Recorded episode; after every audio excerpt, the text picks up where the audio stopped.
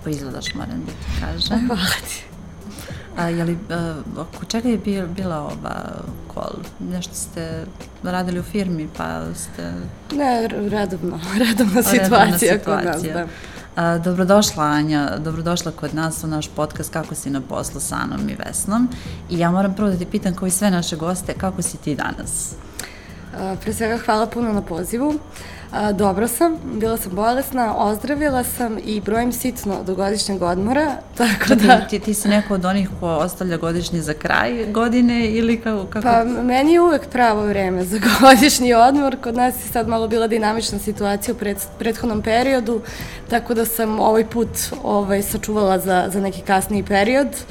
E, je li važan odmor u, u životu jednog radnika, hajde tako da se izrazim, pošto zaboravljamo često na, na odmore. Meni lično je strašno važan, jer mislim da... A, sve... I o tome se ne govori često. To je... Da, da, ovaj, generalno mislim da je jako važno da se napune baterije, da se negde odputuje, promeni okruženje, vidi nešto novo, jer se onda vraćamo sa nekom onako boljom energijom i možemo i ne samo više da radimo, nego i bolje da se slažemo sa kolegama konkretno trenutno u firmi u kojoj radim, negde nije mnogo važno da sediš u kancelariji, jer smo mi jedna globalna kompanija da kažem 90% mog radnog dana ja zapravo pričam sa ljudima koji nisu u Srbiji. Pa da, eto koliko se to menja, dakle mi danas ne moramo da imamo kancelarije da bismo da Tako bi se znali i da negde meni to savršeno odgovara za ovaj moj neki trenutnu fazu života kada ne, jel te, nemam ni, ni decu, mogu da putujem i do, zapravo se ih dešavalo da negde otputujem pa radimo dan da sedam dana ili ne znam. Da zvuči kao idealno, ali hajde za početak Anja da te predstavimo. Hajde. Anja Đurić je neko ko je radio u vodećim PR agencijama u Srbiji. Uh, ona je prepoznata kao mladi lider i nedavno je dobila jednu baš važnu nagradu. Čestitam ti na tome, o tome Hvala. ćemo kasnije da, da malo pričamo. Uh, Anja danas radi u kompaniji koja je vodeća za dostavu u, u Srbiji, ako ne, ako ne i šire, ali radi sa ljudima koji su, koji su postali najpopularnije, najpopularnije zapravo zanimanje, a to su dostavljači. Govorit ćemo malo i o tome, ali e, i o tome da si ti zapravo u vreme korone promenila posao, kada smo svi mislili šta će biti, da li, da li ćemo imati uopšte posao, ti se odlučuješ da iz te iz tog dela karijere pređeš u nešto nepoznato.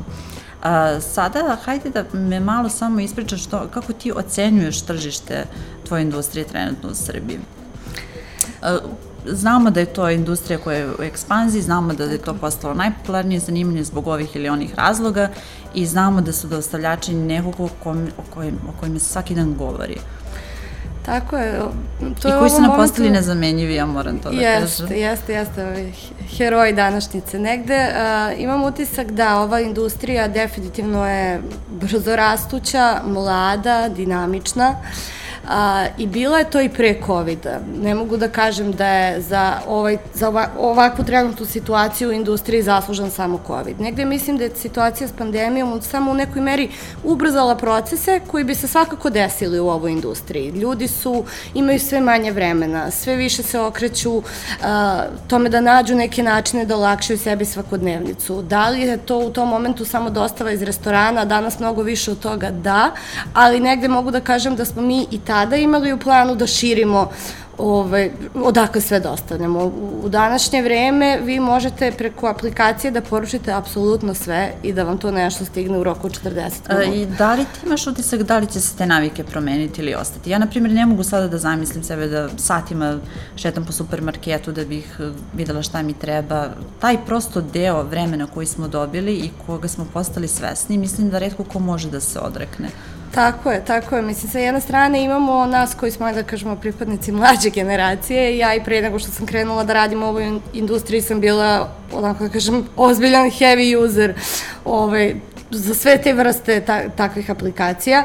Međutim, mislim da je pandemija donela to da sada i ljudi koji nisu bili toliko vični u sad to nekoj online naručivanju ili online kupovini su se tome okrenuli. Dakle, nije, nije ono što mi svi mislimo da stari i ne naručuju toliko i da nisu toliko digitalno pismeni. Da li je to istina? Kako, kako je tvoje iskustvo? Pa generalno, da, mlađi su definitivno više okrenuti ovome, ali to je pandemija promenila. To je promenila jer vi u momentu kada su bile pa čak i one ozbiljne mere da ne možete da izađete iz svog stana, vi ste mogli da poručite iz supermarketa, iz apoteke, mi konkretno na našoj aplikaciji imamo i onaj bubble koji kaže anything, tako da šta god da vam treba, da li vaša porodica da vam nešto pošalje, dostavi, to je mnogo olakšalo situaciju u tom momentu. I mislim da će to ostati, stvarno mislim da hoće, negde da naš biznis je dosta onako vezan za sezonalnost, naravno da kad su godišnji odmori mi imamo manje dostava, kad je loše vreme naravno da ih imamo više, ali mislim da onako generalno gledano navike će ostati. A, a kada govorimo o samom zanimanju dostavljača, ja moram da primetim da je ono neko bilo na margini, ne samo u Srbiji, nego, nego u svetu generalno i vezivalo se da oni baš koji moraju rade taj posao. Često su dostavljači ovde bili i ispod zakona u smislu da nisu imali neke beneficije koje ostali radnici u kompanijama imaju. Dosta se toga promenilo na ovom tržištu, vidimo koliko se to menja, baš i kod vas i generalno u dostavi sad rade i žene, rade, rade dosta ljudi sa fakultetskim diplomama, rade ljudi koji su radili neke potpuno drugačije industrije. A sad zanimljivo je da si ti prošla sve faze, odnosno prošla si vrlo zanimljivu, tu, mi kažemo to novinarski tektonsku promenu na tržištu, iz jedne kompanije koja je bila omiljena, omiljena u smislu naručivanja i nek, pogotovo mlađe generacije su vezivale za nju, e, ti prelaziš u, u drugu kompaniju. E, da li, e, možeš li da nam objasniš kako, kako je to izgledalo, odnosno šta je bilo najteže u tom procesu akvizicije, a možda šta najlakše? Da li možda imaš neku anegdoticu da, da nam ispričaš? Uh, ne znam, ne znam odakle bih počela. Da, ja sam uh, u ovu industriju ušla pre nešto jače od godinu i po dana, baš to na početku pandemije i krenula sam da radim na poziciji marketing menadžera za Srbiju, Bosnu i Crnu Goru. U tom momentu brand u koji sam došla postoji na tržištu pa, ja mislim, 13 i po godina, tako nešto, možda 14. A, ima iza sebe, kako da kažem, jednu ozbiljnu bazu korisnika koja mu veruje, koja ga koristi godinama, to je u početku bio samo sajt, u nekom momentu je postala aplik i aplikacija.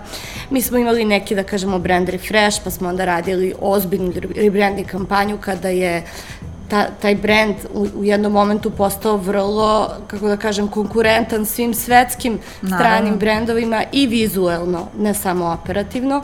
I kompanija u kojoj sam radila nije bila domaća, bila je jako davno, ali je nakon toga prodata i da. poslovala je u okviru jedne globalne ostalo, grupe. Koliko je ostao taj utisak, koliko je... Tako je, pa ona, uh, pre svega ime je domaće.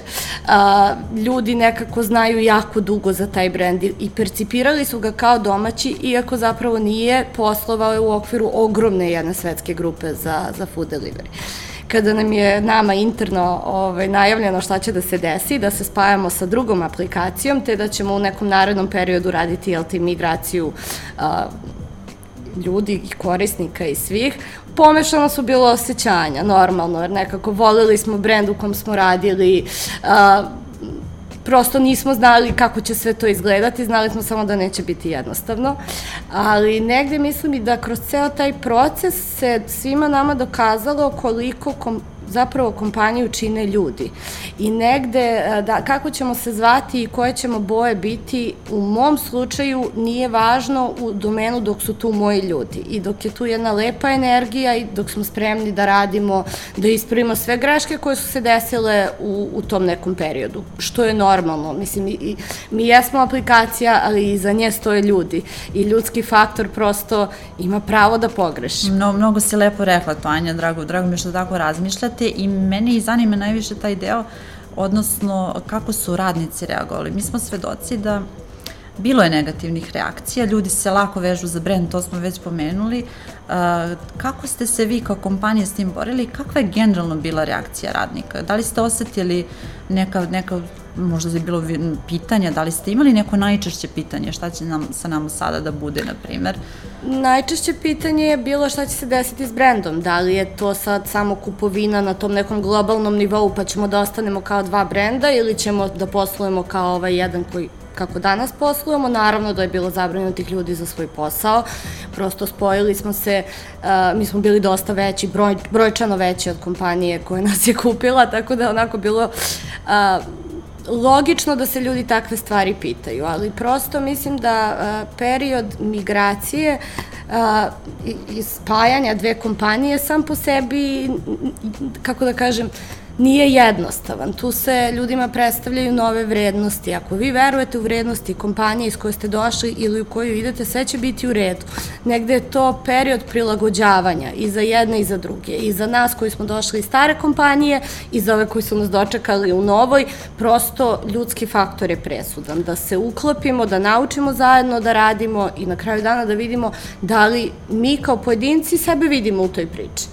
E sada, e, baš to kad, kada pominješ koliko je važan, važno ime, brand, marketing, koliko je važno ljudima poslati jasnu poruku. Iz tvog ugla kao nekog iz te industrije, koliko marketing igra tu važnu ulogu? Kako sve pomiriti te stvari i da pošaljete jasnu poruku u redu, mi smo sada tu, da bude nam bolje svima, ne da bi, da bi se gledao samo profit ili da nego jednostavno da se vrši usluga za koju...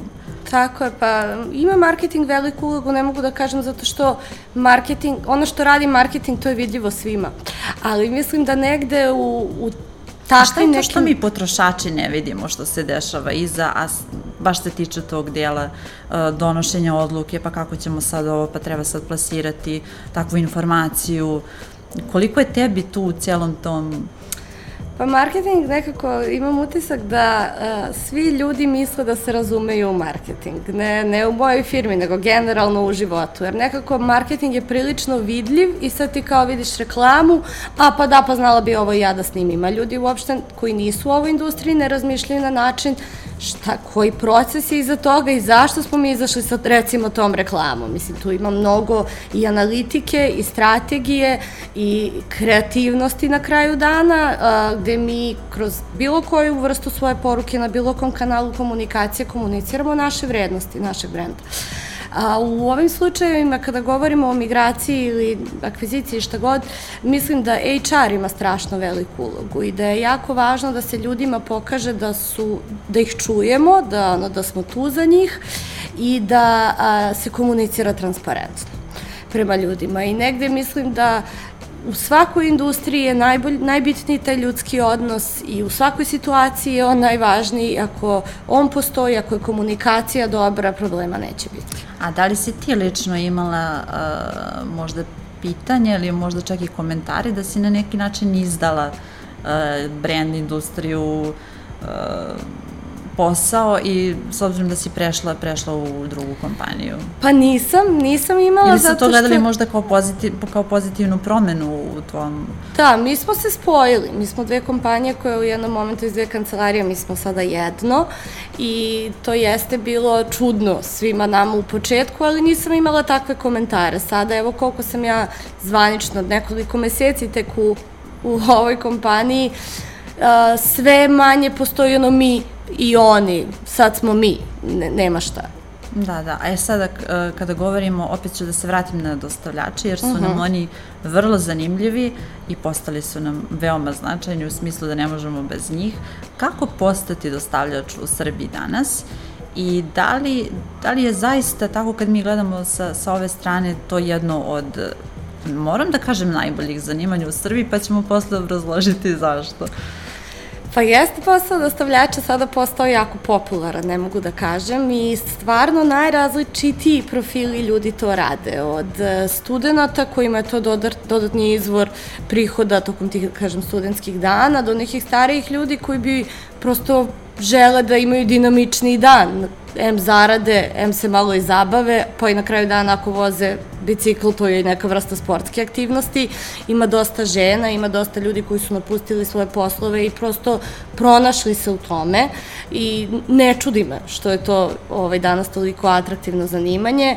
Uh, tim u vezi a, ima prostora za sve koji hoće time da se bave. Negde a, dostavljača je uvek malo. I mi... Je li to moguće? Mi svi o tome i novinarski pišemo Tako. i čitamo o tom. Je li moguće da ih je malo? Jeste, jeste ovaj, mislim, tržište Srbija, ako poredimo onako globalno, nije sad najveće tržište i najznačajnije na svetu, ali jeste jako značajno i veliko i ljudi dosta poručuju. S tim u vezi kadar, kadar nam uvek nedostaje i uvek tražimo novo. To sam baš i htela da te pitam, e, kako se, pošto kod vas rade različiti profili ljudi, različitih godina, od najmlađih do najstarijih, kako uopšte raditi s njima i kako sačuvati dobre kadrove? Da li su oni možda specifični kao i industrija ili, dobro, ja znam da ti si dosta i ranije radila na tome, ali e, kako ti vidiš to, to polje? Kako sačuvati dobre radnike? Pa u ljude mora da se ulaže, da se ljudima po, pomogne da se razvijaju i, i na, kažem, nekom pa prilično i, i ličnom nivou. Mi kao kompanija globalno radimo na najrazličitijim programima a, podrške našim dostavljačima, jer na kraju dana oni su naša snaga. Trenutno većina tih programa još uvijek nije dostupna u Srbiji jer smo u procesu lokalizacije istih, ali u pitanju su programi koji će njima omogućiti da, da rade na sebi, da uče neki jezik, da prosto uh, budu srećni i zadovoljni sobom. Tako da mislim da na bilo kojoj da ste poziciji danas u kompaniji, da li ste vi dostavljač ili ste kao ja u marketingu ili radite u prodaji, nije ni važno, a, mislim da je važno da imate utisak da je kompaniji stalo do vas i da ona vama pomaže da vi budete bolji. Da li u onome što vi radite ili privatno da se bolje osjećate, ni, ni to nije toliko važno. Važno je samo da vas gura napred. Jesu to one stvari koje, koje treba pomiriti negde šta radi poslodavac, šta radi radnik, da bismo imali neko zdravo okruženje bez obzira što je to vrlo specifična industrija. I vidimo i u svetu, eh, ja bih volila da pomenemo to da nije, nije baš tako idealno u smislu zakonskih odredbi i šta je to što može da se promeni da bi se i dostavljači podveli pod sva ta pravila i da ne bi bili Evo, na primjer, u Španiji eh, ne, oni više neće biti freelanceri, nego će dobiti poseban, poseban tretman u radnom pravu. Ali kada, kada govorimo, eh, eto, u vreme korone si i ti promenila posao, eh, neki su morali da promene posao pa su baš u, u, upali, uslovno rečeno, u dostavu. Ali šta je po tvojom mišljenju a, važnije? Češće menjati posao ili biti u jednoj firmi zaove, kao što mnogi, nažalost, u Srbiji misle da je, da je to nešto čim, što, što im je uspešna karijera. Da li da. je uspešna karijera ako zadržiš posao u istoj firmi? Pa ne, ne bih se složila sa tim. Vremena su se mnogo promenila. Moja mama radi, u, ona predaje u školi i predaje u toj školi cijelog svog života, evo za koju godinu će pa i u penziju da ode. A, drugačije je vreme i mislim da je potpuno u redu menjati posao. A, čim se negde ne osjećate dobro i mislite da to nije za vas, pa vreme je da idete dalje. Toliko novih prilika, toliko novih poslova da apsolutno ne vidim razlog da trpite nešto, da trpite bilo šta. Ali s druge strane mislim da su i mladi krenuli danas da preteruju. Na prvu Može neku da lošu da. stvar oni kažu ma nije ovo za mene i odustaju. E to je već neka vrsta da kažem i lenjosti i, i linija manjeg otpora Koliko smo mi uopšte promenili mišljenje o poslovima i u industrijama? Šta, kada razgovaraš sa sa tvojom generacijom. Sa, jasno je da se drugačije gleda na, na posao. Jeste drugačije, jeste. Negde mislim da su ljudi sve manje spremni da zažmure na neke loše stvari, na prvu stvar koja im se ne dopada, oni odlaze. A, što s jedne strane razumem da niko ništa ne treba da trpi, ali s druge strane mislim da i kompaniji treba dati šansu. Treba dati šansu ljudima sa kojima radiš. Kada se ti sad nekime upoznaš, ostvariš neku komunikaciju, potpuno drugačiji je način rada u odnosu na to kad se ne poznajete dovoljno dobro. Tako da, ovaj, meni je recimo bilo strašno izazovno kad sam došla u ovu industriju pre godinu i po dana, činjenica da je moj prvi radni dan bio tokom, uh, tokom lockdowna. Ja sam krenula da radim, u petak sam završila sa starim poslom, u trenerci i gore u nekoj kao kulturnijoj majici jer se dotle vidim, jel te? A, u ponedeljak sam krenula sa novim poslom, bez da upoznam tim, sa kojim ću da radim.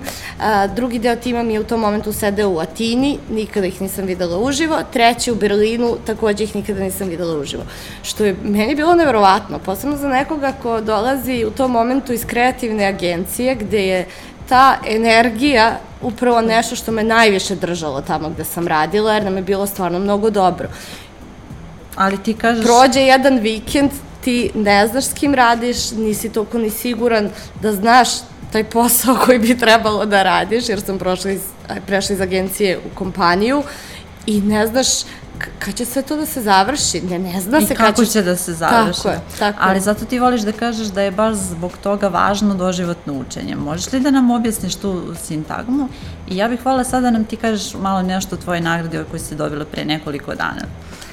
Pa što se tiče učenja, generalno mislim da je to strašno važno za svakog uh, od nas kao pojedinca, jer sve što više učite, manje stvari mogu da vas iznenade, otvorenje ste za nove stvari, uh, lakše se prilagođavate promenama, a mislim da je to ključno za taj opstanak u bilo kojoj ovaj, poslovnoj industriji. Uh, ja sam završila fakultet, tel, malo pre sam pokušala da sračunam, pa ima tome, evo koliko sada Pa mnogo, dosta godina. mnogo godina i negde mi je bio plan da upišem recimo master, ali sam u tom momentu ja krenula da radim uh, praksu u jednoj agenciji, nije mi bilo realno da se trudim tamo, dokažem i da pored toga idem na fakultet, ali u tom nekom momentu zapravo šta je presudilo, nisam više bila sigurna da ja želim master iz toga iz čega sam završila osnovne studije. Prosto sam imala utisak da to nije nešto na što sam ja kliknula. I onda su meni moji roditelji pričali što pre moraš da upišeš master, ako ga sad ne upišeš nećeš ga nikad upisati, to ode, kreneš da radiš, gradiš karijeru, izgubiš, da kažem, taj neki kontakt sa svojom generacijom i to je već gotova priča. I ja sam to negde imala godinama u podsvesti i evo ove godine, pre mesec dana sam upisala master i to na Fakultetu dramskih umetnosti koji je potpuno nešto drugo u odnosu, ja sam završila ekonomiju, dakle, što se kaže, niđe veze jedno s drugim i dolazim na fakultet i onako spremna sam da to se budu neki premladi ljudi koji su juče izašli sa osnovnih studija i da ja tu budem kao najstarija osoba. To uopšte nije tačno. Nas je na klasi 12 od tih 12 pola su tu negde moje godište, ima i starih, druga polovina je došla pravo sa studija. Tako da, to su nekako moje predrasude bile u vezi sa, sa svime time. I mislim da je jako važno da budemo svesni da je uvek pravo vreme ako hoćeš da radiš na sebi. I da li će to da bude neki kurs ili će da bude master ili će da, ćeš da se odlučiš za praksu u nekoj kompaniji jer želiš da promeniš možda industriju, pa vreme je. Mislim, ako se ti osjećaš udobno sa time, vreme. Lepa, lepa rečena. Molim da sada nagrada. Da, ovaj, što se tiče nagrade, malo pre smo se ovaj, iza kamere smejale. Dobila sam nagradu Mark Awards, a, koji organizuje marketing mreža. Ovo je prvi put ove godine da, da se održava i nagradu sam dobila u kategoriji Rising Star of the Year, što je za mlade stručnjake do 30 godina. Ja sam rekla, još ove godine imam fore... A dobro, ti si uhvatila taj uspeh. To, to, to. Ovaj, još ove godine ovaj, imam šansu da budem nominovana u takvim kategorijama, već od sledeće će biti drugačije. I uh, bilo baš pre neko veče sam išla na dodelu nagrada, bilo je jako lepo, a, negde jedno veče bez ikakve suete, kolege koje su došle, koje su bile nominovane, nisu dobile nagradu, došle su da podrže i jako sam srećna da zbog te da, nagrade. Tu, tu se vidi koliko je i konkurencija nekada ne mora da bude negativan kontekst. Apsolutno, apsolutno. Et, eto, taman onda možeš da mi sumiraš neka tvoje tri saveta ili možda tvoje viđenje kako pomiriti taj odnos radnik poslodavac. Mi smo dosta o tome pričali sada, ali mene zanima i ovaj deo specifičnosti tvoje industrije u kojoj radiš. Kako naći taj balans za, za nešto, malo pre smo isto pričale nas dve, da mnogi ne shvataju današnje izraze za produktivnost na poslu mm -hmm. i zdravlje na poslu i to kako se osjećamo dok provedemo toliko vremena. Rekli smo već da dostavljače koliko god bilo popularno zanimanje nije lako i uh, ne zahteva kancelariju, na neki način moraju da se za neke stvari snalaze za sebe koliko god kompanija bila iza njih. Pa kako ti vidiš neka kao 3-4 saveta za... Pa, kao broj jedan bih istakla komunikaciju, jer mislim da je komunikacija najvažnija i u privatnim i u poslovnim odnosima. Što bi rekao moj tata, ako nema komunikacije, brakovi se razvode, a ne poslovni odnosi i raskidaju ugovori. Tako da mislim da je strašno važno da a, se problem iskomunicira, a, kada se osjećamo loše u vezi nečega, ako ne kažemo šta je problem, on neće prosto biti ni rešen. Na drugo mesto bi stavila empatija, jer negde mislim da svi smo mi ljudi i svi mi imamo i žute minute i momente uh, kada smo manje motivisani ili više motivisani ili nam treba odmor ili šta god i mislim da treba da imamo osjećaj za ljude, da ga ne izgubimo u celom ovom ludilu, jer prosto uh, živimo brzo, previše obaveza imamo i samo gledaš nekako da završiš sve svoje obaveze. Mislim da ljudi imaju sve manje sluha za tuđe. I ne znam šta bih još dodala. Dobro, mislim da, da smo poslali jasnu poruku, dakle, koliko god uh, možda ljudi i nemaju nekada dodirnih tačaka sa nadređenima svim, da je na, potrebno naći neki kanal komunikacije kako bismo izrazili svoje, svoje želje, pa možda i nelagodnosti na poslu i toga naravno ima, živi smo naravno. ljudi što se, što se kaže. Anja, uh, hvala ti mnogo na, na gostovanju, uh, ja bih pozvala naše gledalce i čitaoce da nas prate na, u okviru Telegraf Biznis portala, a uh, imam možda jedno pitanje za nju za kraj. Da li ja mogu da radim kao dopuski posao kod vas dosta? Možeš, više si nego dobro došla. Hvala na tome. Hvala ti, stvarno si bila sjajna, baš si bila dobra. Hvala puno tebi baš, na Baš si onako, ovaj, prošli smo sve. Ja ću kao neki, znaš na YouTube-u kad kaže to vi u montaži.